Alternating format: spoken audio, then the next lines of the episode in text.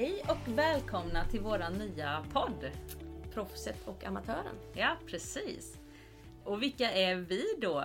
Jag är ju då amatören Sofia Holm och mitt emot mig så sitter proffset. Ja, Aminda Ingulfsson heter jag. Jag rider fälttävlan på landslagsnivå och eh, jobbar heltid med hästar. Jag har åtta hästar i stallet som jag rider varje dag. Som alla går fälttävlan. Och ja, jag har detta som yrke. Och Sofia då, hur kommer hästarna in i ditt liv? Ja, precis. De har ju alltid funnits i mitt liv. Min mamma är ridlärare och jag är liksom uppvuxen på, eller är, var ridlärare. Uppvuxen på hästryggen. Men just nu så håller jag inte alls på på något eh, proffsigt sätt alls utan jag är verkligen amatör, jobbar med helt andra saker och har bara hästar på fritiden som väldigt många här ute har. Vilka hästar har du nu? Eh, ett litet Connemara-sto som vi precis har köpt till min 11-åriga dotter. Och sen en treåring med lite rolig stam eh, som jag håller på att rider in för tillfället. Eh, ja. Spännande. Vad gör du när du inte är i stallet?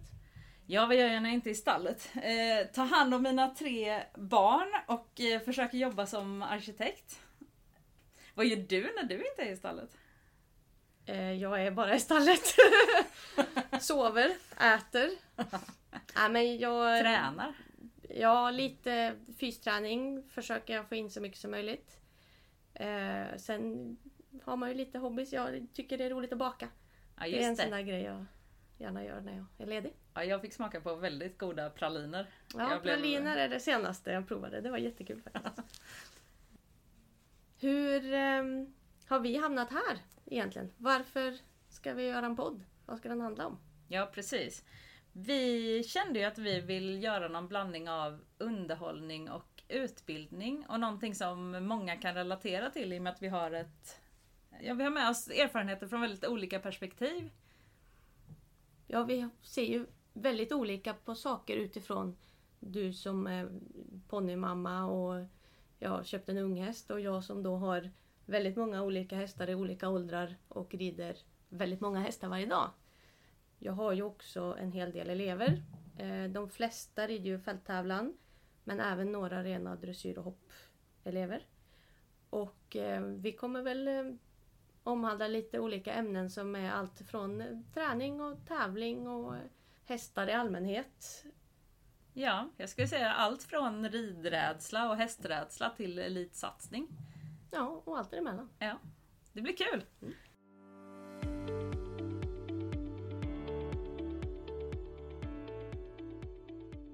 Ja, och hur lärde vi då känna varandra egentligen, Aminda?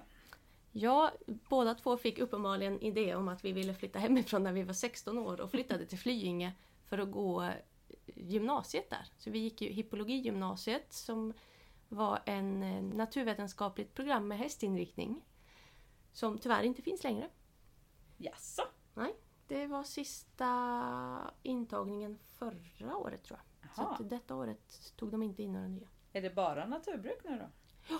Naturbruk och de har ju eh, den här eh, anläggningsgymnasiet. Jaha. Det var ju lite synd för den utbildningen var ju väldigt bra för oss som ju ville satsa på skolan men också var extremt hästintresserade. För det var vi ju bägge två. Precis. Så vi hamnade ju där. Eh, båda två bodde på elevhem ihop. Mm. Och vad har du gjort sedan dess? Ja, vad har jag gjort sedan dess?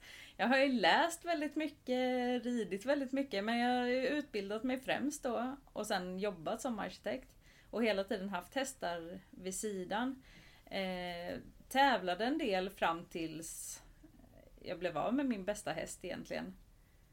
Och du har ju också faktiskt hunnit få tre barn. Ja, jag har fått lite barn däremellan också. Så det har varit eh, fullt på schemat så att säga. Precis. Men som sagt, vi har ju valt lite olika vägar. Hur, eh, vad gjorde du efter gymnasiet? Ja, jag råkade också utbilda mig till civilingenjör i teknisk matematik. Men eh, kom väl på där lagom till jag var färdig och fick min examen att jag ville rida. Så jag sökte bridarprogrammet på Flyinge, tillbaka till Flyinge igen. Och kom på att det här var jättekul och någonting jag ändå var hyfsat bra på. Och sen har jag jobbat med hästar sen dess. Ja. Eh, liten sväng som eh, lärare på Flyinge. Och eh, Lite forskning va? det, ja precis, forskningsprojekt på SLU med biomekanik, alltså hur hästar rör sig. Eh, Så jag fick lite användning för min civilingenjörsutbildning. Den blir men dammig annars. här. Den, nu är den väldigt dammig. Jag kommer inte ihåg väldigt mycket alls. Men eh, som sagt, sen jag, jag har haft eget företag sedan 2015. Då startade jag i väldigt liten skala. Var det 2015? Japp. Ja. Jag tog examen på Berida-programmet och då gjorde vi det på våran eh, skoltid. Startade ett Ah. företag. Så vi gjorde affärsplan och sånt. Sen var det ju i början bara väldigt lite. För jag jobbade ju på Flyinges samtidigt och sen SLU. Och sen slutade jag på SLU för att jag ville ha hästar på heltid bara. Ja, precis. Eh, Ja, men du har ju dina tränarutbildningar också. Ja, jag har ju utbildat mig och är diplomerad då C-tränare i både dressyr, hoppning och fälttävlan. Ja, det är en bra trio. Ja. Ehm, och jag har ju väldigt mycket elever så att eh, jag tycker det är väldigt roligt med ambitiösa elever som vill bli bättre. Ja, precis. Sen kan man bli bättre på sin nivå men att man vill utvecklas eh, tycker jag är väldigt roligt. Ja, jag tycker ju att det är väldigt trevligt att träna familj också. Jag gör ju det eh, när jag kan, när jag har någon häst som är tillräckligt gammal. Precis.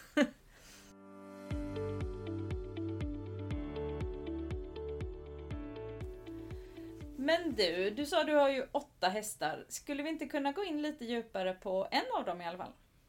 Ja, vi kan ju prata lite om slipsen till exempel. Ja.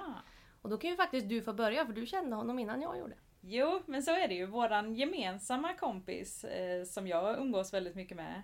Hon eh, har ju haft då en jättefin häst, Slipsen, eller rättare sagt Joystick. Eh, hon har ridit honom upp till 1,45. Sen blev hon gravid och då började jag hjälpa henne lite. Och hon sa, men ska vi inte sticka ut på terrängbanan? För jag är ju också mest terrängryttare måste man ju säga. Eh, så vi stack iväg. Och han var ju otrolig. Han har aldrig hoppat ett terränghinder i sitt liv. Och jag hoppade enstjärniga hinder i en blinkning. Liksom han var, ja, det var sån känsla. Och sen när hon väl, hon hade egentligen tänkt att behålla honom. Men bestämde sig för när barnet var lite större att nej, jag vill inte ha häst just nu. Jag vill satsa på familjen liksom. Och då hade jag också blivit gravid. Igen. För tredje gången. Just det. Och då satt vi och gnuggade våra geniknölar och så sa jag, men du, ska vi inte fråga Aminda? För jag tror att det här kan bli en jäkla bra terränghäst. Så vi ringde upp henne en kväll, En torsdagkväll. en torsdagkväll. Jag skulle iväg och ha träningar. Jag gick precis ut genom dörren. Ja, Och sen... ehm, eh, det tar en kvart att köra dit jag skulle. ja, Så på den kvarten så hann jag köpa en häst. ja, precis. Utan att besiktiga eller provrida eller någonting. Jag visste ju lite vilken häst det var ju för jag har ju alltid vetat om slipsen. Ja, Men eh, nej, så tisdagen efter kanske så åkte vi och hämtade honom. ja. Så då hängde jag med och hämtade honom också. Nej, det var jätteroligt. Ja. Och sen eh, kom han ju till mig. Och eh, ja, jag hade honom inte jättelänge förrän jag faktiskt var ute på vår första tävling. För jag tänkte nu får vi ju prova här och se hur det går. Mm. Så då gick han en H100 i Dagstorp. Och eh, han hade väl ett stopp i terrängen tror jag. Han blev lite förvånad på ett hinder där. Men sen faktiskt efter det hade han inte ett enda stopp förrän han gick sin andra fyrstjärniga. Nej. Ehm, Så att han har ju varit väldigt duktig hela vägen upp och har ju vunnit en kort fyrstjärnig i Polen i Stregom eh, förra året. Och ehm, förra året gick han ju också VM i eh, italienska Pratoni. Där du ju faktiskt var och tittade också. Ja, och Molly, min dotter. Det Just var det. jättekul. Väldigt spännande att se det live på den nivån alltså. Ja, och också lite roligt när man liksom, "Ja, den där hästen har jag Mm. hoppat på. Den har jag. jag var den första som hoppade terränghinder på honom, kan du säga då. Precis. Ja, och vi direkt rapporterade hem då till eh, våran gemensamma vän, den tidigare ägaren som också var lika stolt. Hon har gjort ett eh, verkligen jättefint jobb med honom fram tills, Ja, tills det var- Aminda tog över. Han var ju så välskolad Ja. och välhoppad. Det var ju väldigt tacksamt att ta över en häst som har gått så höga klasser i hoppning, tävlat så pass mycket och så pass grundriden, alltså bra utbildad. Eh, så att det var ju ganska enkelt att ut och tävla ganska direkt. Eh, sen har han ju fått lära sig mera i dressyren. Dressyren är kanske inte hans starka sida. Men eh, alltså han gör det ju väldigt korrekt. Men han är ju ingen flashig dressyrhäst precis. Han travar lite som en symaskin. Om man nu hårdrar det. Det har blivit mycket bättre. Men eh, han, terrängen är ju det han gillar. Och han gillar att hoppa också. När han, alltså 1,25-1,30 det är ju hans paradgren. Det är ju så tacksamt att ha en sån häst. Som bara, man känner sig säker i hoppningen. Det är faktiskt väldigt roligt. Och det är ju fint också när hästen bara tycker att det är en lekplats. Ja, Och du kan bara njuta runt där liksom när de andra hästarna faktiskt får kämpa lite för att klara den nivån efter en terrängritt och han tycker att det här var kul. Ja, man har ju hört, jag har hört via omvägar att han, eh, när man är ute på tävlingar så kallas han för eh, the show jumping horse. Ja. Just det. Hopphästen. Så att eh, de andra konkurrenterna ser honom också som hopphästen. Ja men precis. Mm. Och eran satsning framåt är väl förhoppningsvis ett OS? Ja. Eh, nästa år är det ju OS i Paris. Och eh, vi är ju förhoppningsvis med på den listan. Vi behöver eh, åka ut och tävla, eh, kvala lite på våren. Han fick ju tyvärr en skada i år så att han fick inte gå EM. Och fick ju därmed inte sitt kval. Så därför måste han ut och kvala nästa år. Men det finns lite tävlingar på våren. Jag är inte ensam om att jag behöver kvala. Det finns fler samma situation. Så att eh, det är bara att träna på här under vintern och så hoppas vi att det går vägen. Hela vägen! Ja, verkligen. Det hoppas jag med.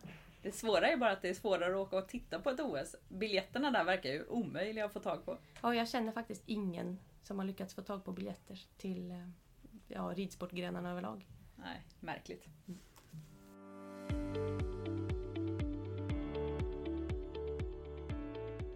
Ja, tänkte jag att vi skulle ta och gå in på dagens ämne. Och det handlar ju om eh, Ja, att jobba med hästar. Ja. Och specifikt då kanske vara hästskötare. Dels ur hästskötarens perspektiv och dels ur eh, den som anställer hästskötarnas, arbetsgivarens perspektiv. Precis. Jag har ju till exempel en heltidsanställd. Eh, och det är ju viktigt för mig att ha någon som känner hästarna. Som kan följa med mig på tävling. Och alltså jag hinner ju inte med alla åtta hästar själv. Med allt vad det innebär. Och eh, hos mig så är det ju så att man, man får ju sköta stallet. Hästar ska in och ut och det ska mockas och det ska fodras. Hästar ska göras i ordning. Jag rider.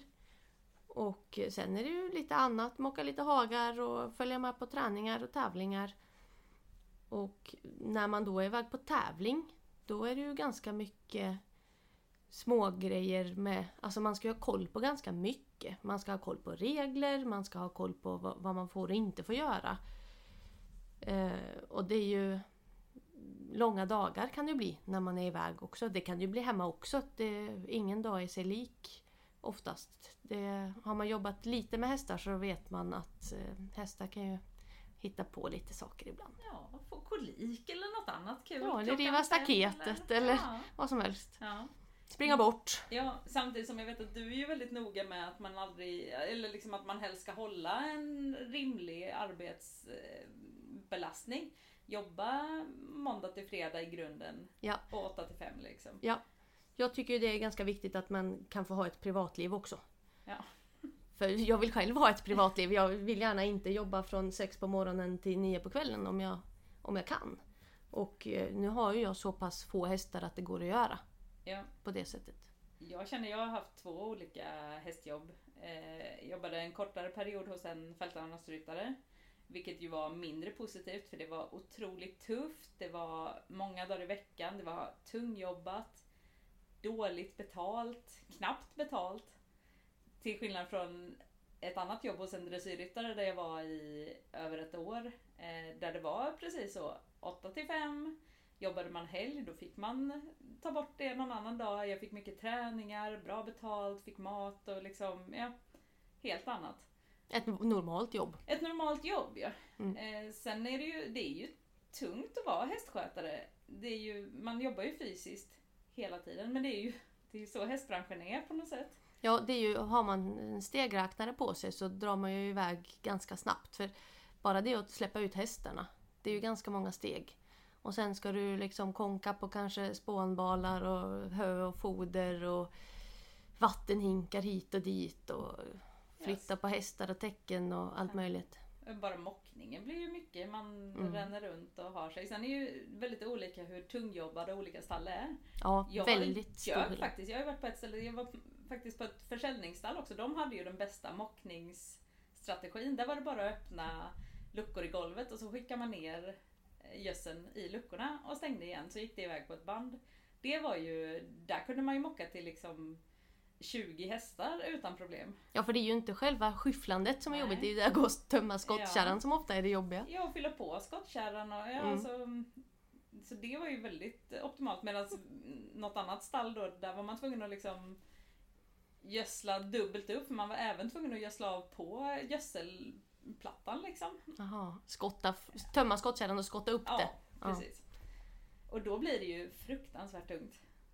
Ja, och där gäller det ju också som, som arbetsgivare när man själv har jobbat lite kanske som hästskötare och vet lite vilket jobb det är.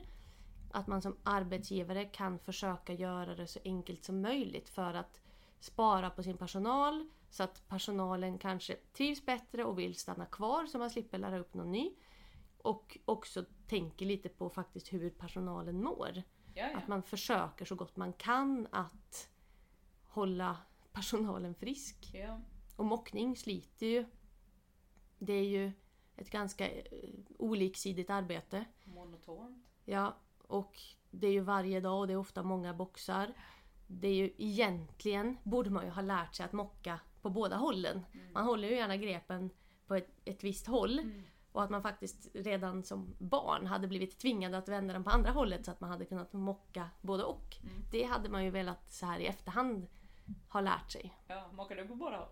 Nej, jag kan sopa på båda håll men jag kan inte mocka på båda Ja, håll. nej, jag gör nog inte heller det. Men jag mockar ju sällan flera. Jo, nej nu ljuger jag. Eh, Stallet där vi står, där mockar jag ju ofta hela stallet liksom. Så att, Ja. eh, nej, det var inget. Tänker du på det med dina barn? Nej, jag kanske får börja göra det. Mm, just det. Får det rätt från början. Ja, För att, ja, men lite för att undvika förslitningsskador sen. Liksom. ja. ja. Fast Du vet kan ju ibland inte. tycka att det är ett problem att få dem att mocka överhuvudtaget. så att, Ja, ja. Men eh, att försöka få folk att faktiskt mocka från båda hållen kan nog vara ganska bra. mm. Ja, jag får eh, in det från början. ja. I alla fall folk som vill hålla på med hästar professionellt. Ja, du vet ju inte, din dotter kanske vill jobba professionellt med hästar sen, det vet ja, du ja. inte. Nej. Eller som hästskötare och mocka mycket boxar och då kan hon vara tacksam om hon har blivit tvingad som yngre att lära sig mocka på båda hållen. Ja. ja, och det är ju lite spännande det här med eh, hästskötarjobb. För jag tror ju att många har den här tanken att Oh, nu ska jag bli jätteduktig på att rida och jag ska träna massa hästar och jag ska verkligen utvecklas i min egen tävling och liksom hela den här biten. Eh, men alltså, för egen del så fick inte jag den chocken för jag började liksom jobba som hästskötare vid sidan av skolan väldigt mycket när vi gick i Flyinge. Dels hos ryttarna i Flyinge och sen så jobbade jag mycket hos den här dressyrryttaren då som jag jobbade åt ett år. Eh, På helger och lov och så, så man blev liksom lite inknuffad i vad det innebar. Ja, och även på Flyinge var det rätt så tung stalltjänst. Ja. Ja, vi var ju med och mockade hela skolstallet där på Ja. morgnarna några gånger i Veckan, Ja, eller? I alla fall. Vi hade ju helgtjänst typ två dagar på en termin eller sånt Ja. där.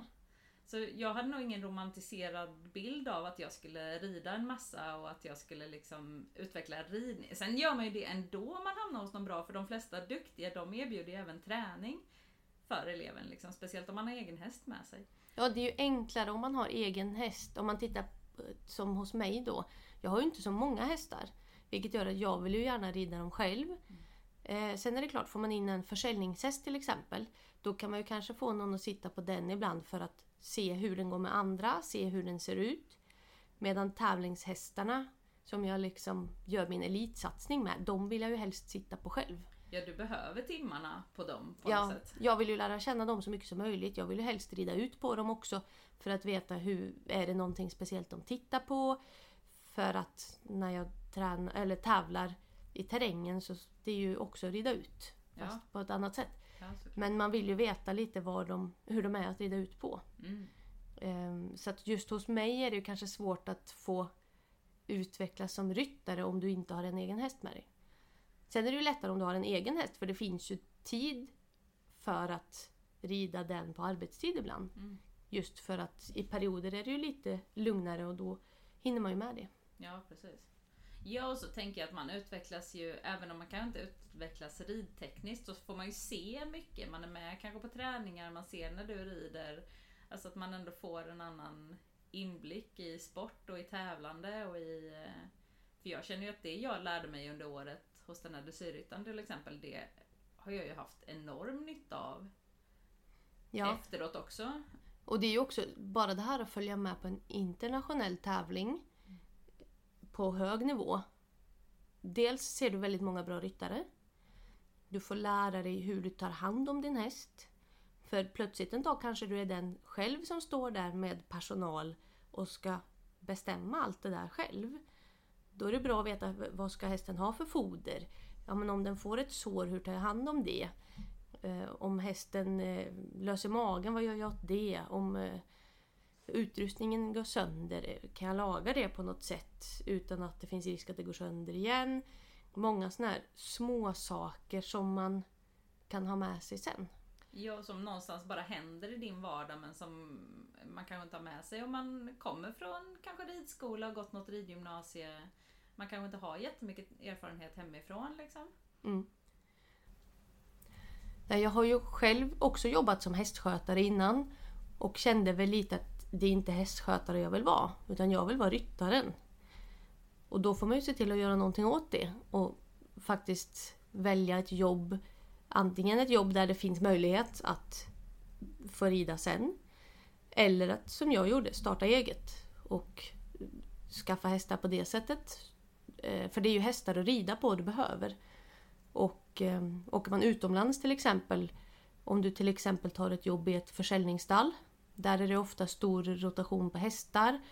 Och det är lättare, om du då kommer som beridare så får du rida väldigt många olika hästar.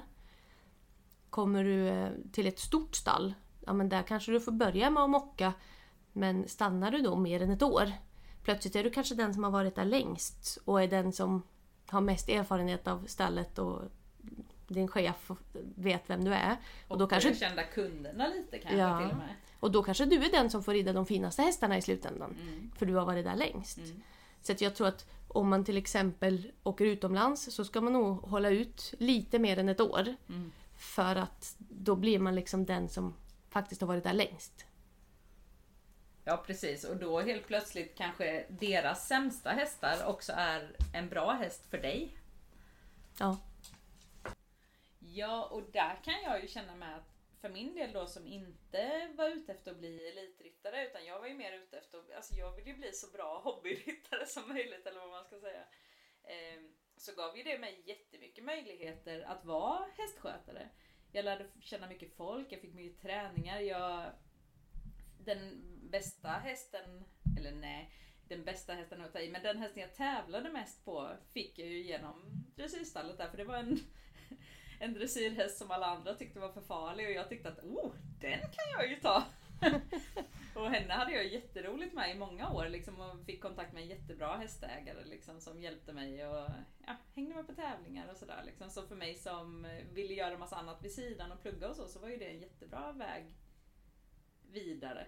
Eh, Ja, och det finns ju också väldigt många där ute som faktiskt inte vill tävla själv.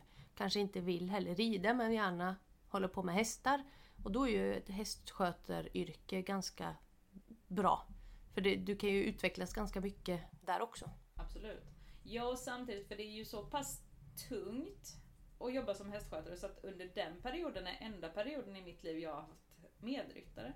Då hade jag en tjej som tog min häst på helgerna för jag var så trött efter att vara där från Alltså för även om jag började jobba vid, jag kommer inte ihåg om det var halv åtta eller åtta, så var jag ju ofta där till nio för efter jobbet hade jag min egen häst liksom och ibland red jag något extra och sådär liksom. Eh, så man, det, är ju, det kan ju också vara svårt att ha en ordentlig tävlingssatsning vid sidan av ett hästskötarjobb. Om man ska vara helt ärlig. För det, är, det kräver ju väldigt mycket av en.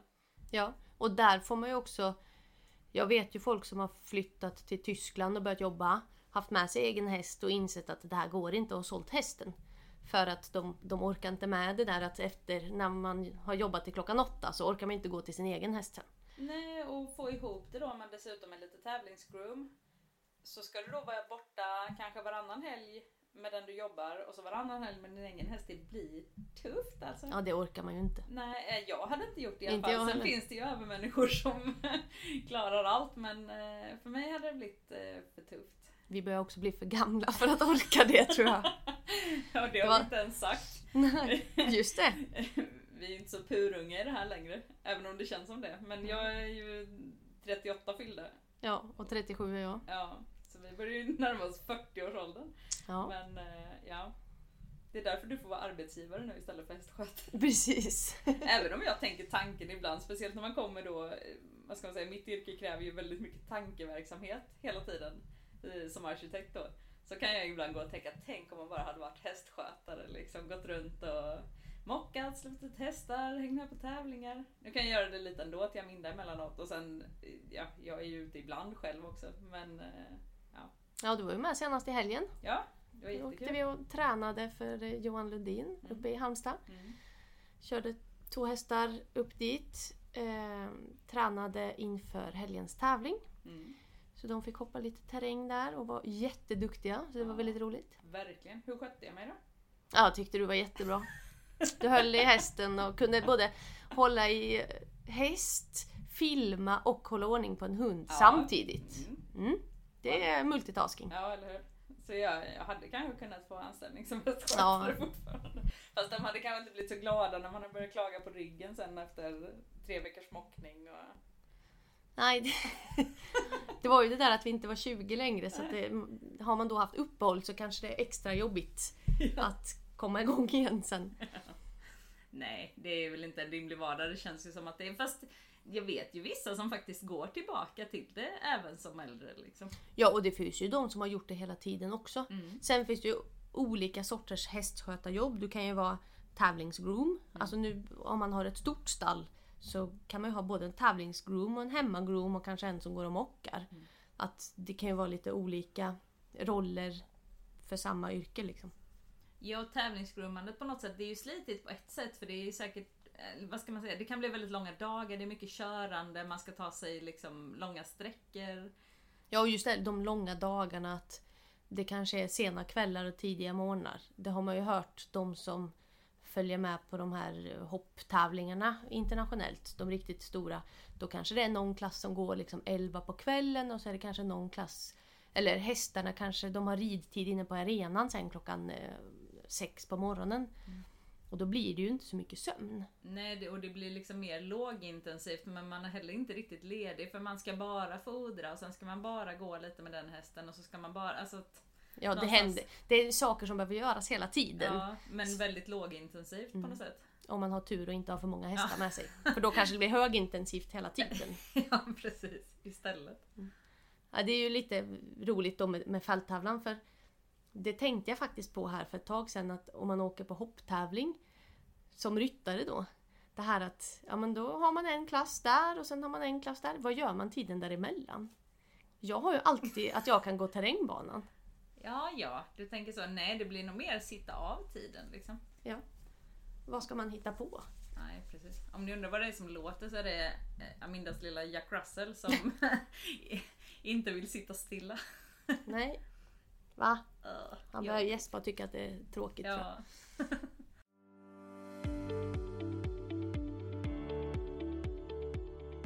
ja, jag tänker lite på vad man bör ha för egenskaper som hästskötare. Vad säger du som arbetsgivare? Liksom, vad är det du ser som positiva grejer? Alltså det viktigaste för mig är att man alltid dyker upp. Mm. För om jag till exempel är bortrest av olika anledningar så kan inte hästskötaren ringa och säga du jag är sjuk. Nej. Vad gör vi då? Vem fodrar hästarna, släpper in och ut? Hästarna behöver fortfarande komma ut och eh, få sin mat och komma in. Och då får man kanske bita ihop och jobba på. Man kanske får minimera uppgifterna istället och kanske göra det i ett tempo man orkar.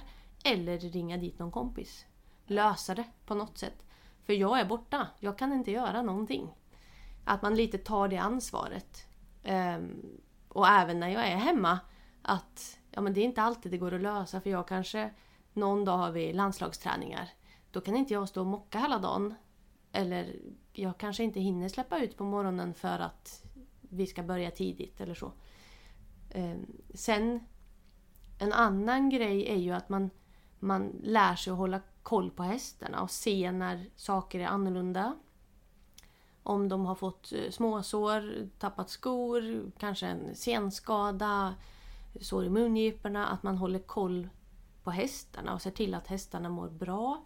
Ser till att de har vatten i hagen. Alltså, Ja, med täcke sönder så ingen eh, fastnar? Eller? ja, alltså små saker som eh, spelar roll för hur hästarna har det. Liksom. Ehm, och sen ehm, också lite ordning och reda. Att man kan lägga saker på rätt plats, man är lite organiserad. Så att om man ska åka och tävla, att man får med sig alla grejer, har ett system och eh, också håller lite städat liksom. Det är väl de fyra sakerna jag prioriterar mest. Lite jäklar anamma också kanske? Ja, det är ju bra om man orkar ta i. Ja. Så att man kan eh, ja, lyfta en eh, fodersäck och putta en halmbal kanske ibland om den har hamnat lite fel. Och, alltså, Om man inte tappar geisten efter tre boxar. nej. Nej, det, alltså det är ju ett tungt jobb så att man måste ju orka en, en hel dag. Även fast den dagen kanske inte är så lång hos mig.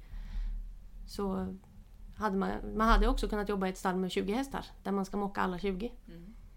Ja, då får man ha ett jäkla tempo.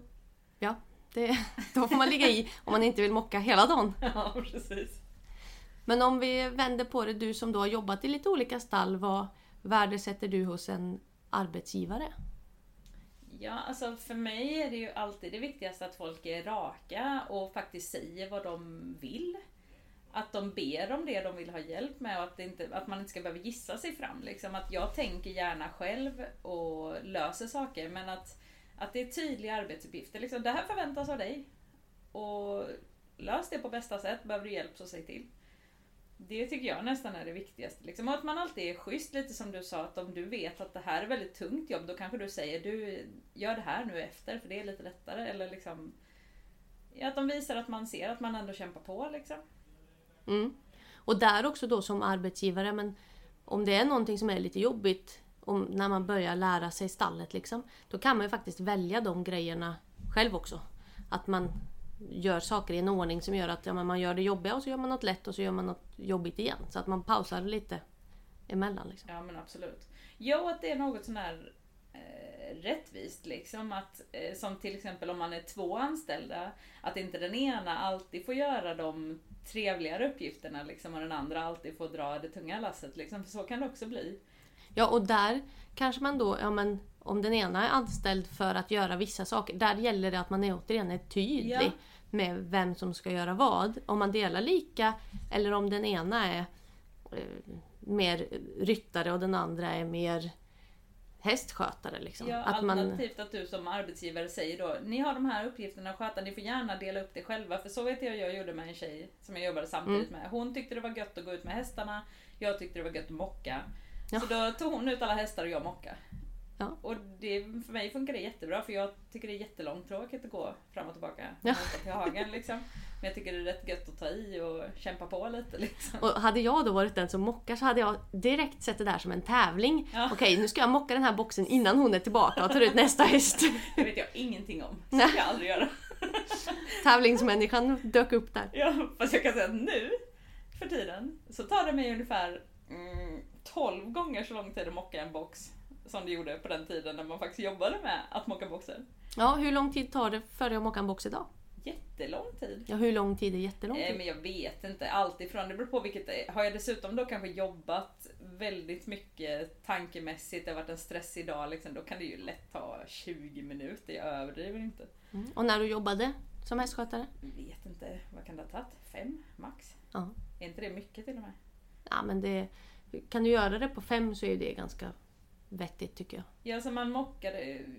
Jag vet på det stället jag var, då var det väl sju, åtta boxar som man mockade första timmen på morgonen. Liksom, och halmade och liksom allting. Mm. och sopade. För det var flera småstallar liksom, så det var ju lite mer, det tog lite längre tid kanske än om man bara har ett stall. Mm. Men eh, Och då är frågan, var det halm eller spån? halm. Då är frågan, mockar du alla först, strör alla sen och sen sopar? Alltid.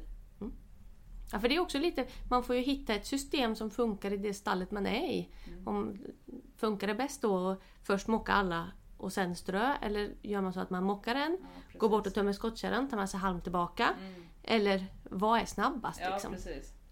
Jo, det är ju jätteolika från olika stallar liksom.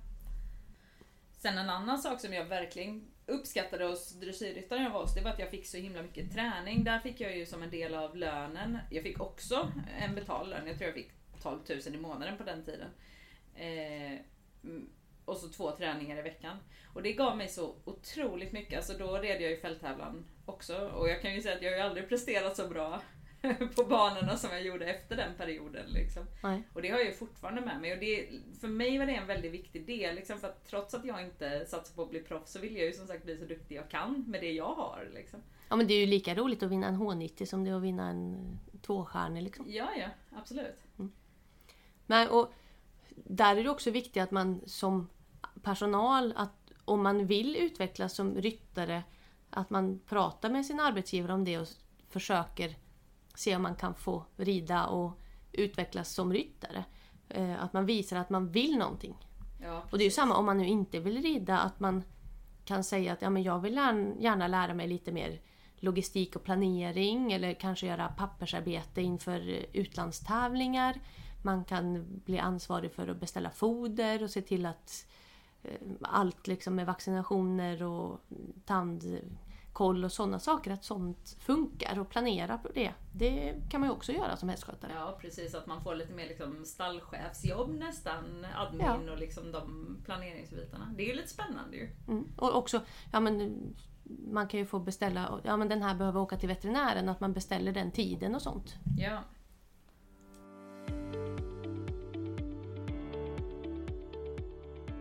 Ja, och sen har vi ju de riktigt mörka bitarna av den här yrkesrollen som jag känner att det är viktigt, speciellt om vi kanske har folk som är yngre som lyssnar och som eh, är redo för sitt första hästjobb. Alltså det finns ju, det är ju en bransch som har väldigt lite pengar i sig, så är det ju. De flesta som jobbar med hästar har det inte jättegott. Förstår jag inte alls vad du menar. Ja men det är ju verkligen från hand till mun. Så Ja. att säga. Varenda krona får man vända på på något sätt liksom. Och det är lätt då att utnyttja unga tjejer som vill eh, komma längre. Och det kanske dessutom är så att det är väldigt stora namn. Det är folk som man ser upp till och som man verkligen idoliserar. Och då kanske det är lättare också att bli utnyttjad. Att man får jobba 60-70 timmar i veckan. Du jobbar sex fulla dagar, du får Minimal lön. minimal lön. Det kan ju vara så lite som 4000 i månaden liksom. Ja. Och där är det ju också viktigt att fundera över själv vad man vill och orkar. Och också, ja, men om man nu ska jobba så mycket, att man faktiskt får någonting ut av det. Man ska ju inte bli utbränd på kanske sitt första eller andra jobb. Utan att man tar den diskussionen med sin arbetsgivare, att vad man vill ha ut av jobbet också. Så att om man går där och tycker att ja, men jag får bara mocka och ta in och ut hela dagen. Är det verkligen det jag vill? Eh, sen finns det ju säkert folk som vill det också. Men om man faktiskt inte vill det, då kanske man antingen diskuterar med sin arbetsgivare eller byta jobb. Ja, och kanske då är det ett väldigt trist och tungt jobb. Då kanske det ska vara lite mer lön. Då kanske det inte ska vara absolut minimilön. Men har du fått det här jobbet som du verkligen har längtat efter i Tyskland hos den här toppryttaren, du får rida, du får träna. Ja, då är det kanske en annan sak. Då kanske det är en satsning du gör tillsammans med din familj eller någonting liknande. Men man ska ändå se upp för att bli utnyttjad för det är ändå ett jobb som alla andra. Ja. Du ska ha rätt att äta lunch, du ska inte behöva jobba 12 timmar om dagen och så vidare. Även om det ser ut så på många håll i branschen. Liksom. Ja, och jag fattar ju också, är man till exempel tävlingsgroom, då blir det ju många långa dagar och sådär. Men när man väl är hemma så får man ju se till att få vara ledig då. Och bara för att man lever ett liv ute på vägarna så betyder inte det heller att man inte ska få betalt. Nej, precis. Så att, att man, man ska ju känna efter själv att man är okej med det jobbet man gör och den lönen man får. Sen är det ju inte alltid att mer pengar är det man kanske vill ha. Utan man kan ju kanske som du fick där då två dressyrlektioner i veckan. Att man faktiskt utvecklas själv. Så att man inte bara går och stampar och gör samma sak. Ja men precis. Ja precis, vad är min... Ja men åtminstone liksom och, och kanske att man också diskuterar med någon som kanske har jobbat även i andra yrken tidigare och så, så att man, man får någon måttstock liksom, att man inte går med på precis vad som helst. Eller som du säger, att man verkligen då gör ett överlagt val, att nej men jag är okej med det här. Jag gör det här en period för att det gynnar mig liksom på något annat sätt. Ja. Ja men det är som jag känner ju en som hade ett jobb där hon släppte ut, det var väl kanske 40 hästar. Släppte ut 40 hästar, mockade 40 boxar. Sen var det dags att ta in 40 hästar. Och det jobbet är ju inte så roligt i längden. Det är ju kanske något man börjar med för att det är ett jobb man får. Sen kommer man på att det här är inte det jag vill göra. Nej. Och då får man ju välja, antingen får man ju ta upp frågan med sin arbetsgivare om man kan till exempel dela upp det. Att man en jobbar kanske 50% och en annan så att en, man får bara hälften av jobbet.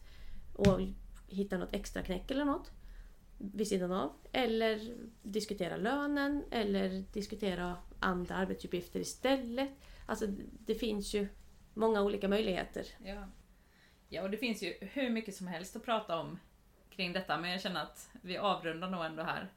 Ja. Eh, och avslutar för idag. Men eh, vad har du för planer för veckan framåt? Jo, men det är ju tävling på hemmaklubben, fälttävlan. Så jag ska tävla ett antal hästar. Ett sju antal. stycken. Sju stycken ja. Det blir intensivt. Ja, jag har gjort eh, en preliminär tidsplan. Ja. Och eh, jag kommer mot slutet av veckan här göra en mer detaljerad med vem som ser till att vilken häst är i ordning och kommer till rätt plats till rätt tid. Ja. Så att eh, alla ska veta vad de ska göra. Och jag ska bara kunna sitta upp och hoppa av Ja, så får någon trycka i dig någon sån här energigel och lite annat sånt emellan. Liksom. Jag har ju faktiskt som bra är eh, ett samarbete med ett företag som gör bland annat proteinpulver. Ah. Så det är ganska bra att ha sådana dagar och även så här elektrolyter. Ja, precis. Um, så det är väldigt passande. Sen har jag faktiskt en liten paus mitt på dagen där jag ska hinna äta någon lunch. Ja, för jag tänker det är inte jättekul heller att ha jättemycket i magen när man ska rida terräng och så. Liksom. Nej, och framförallt dressyr. Ja, ja. Det vill man ju inte så. Men det är bra för de bästa hästarna går först. Så att på slutet är det ju mer de som får gå dressyrprogram där man får rida lätt. Ja, ja. Så då klarar jag mig ganska bra. Ja men skönt. Mm. Så det är min vecka. Ja. Vad ska din vecka? Ja, vad ska vi göra? Molly ska träna sin ponny för dig på imorgon. Ja, just det. Ja. Eh, första hoppträningen för henne. Och sen ska hon faktiskt göra sin första tävling på söndag. Det blir lite lugnare tempo i och med att vi åker med en ponny på lokal tävling. Och bara en gren. Och bara en gren. Eh, så det blir väldigt lugnt. Så ja. hon ska prova att hoppa sina första klasser där, så det blir jättespännande. Ja, kul. Ja, så det blir en rolig vecka. Ja, ja men det blir bra. Ja. Då ses vi imorgon alltså. Ja, men det gör vi. Ja. Och till er andra så ses vi ju eh, vid nästa poddavsnitt. Ja. ja. Ha det så fint så länge. Ja, detsamma. Ha det bra! Hej då! Hej!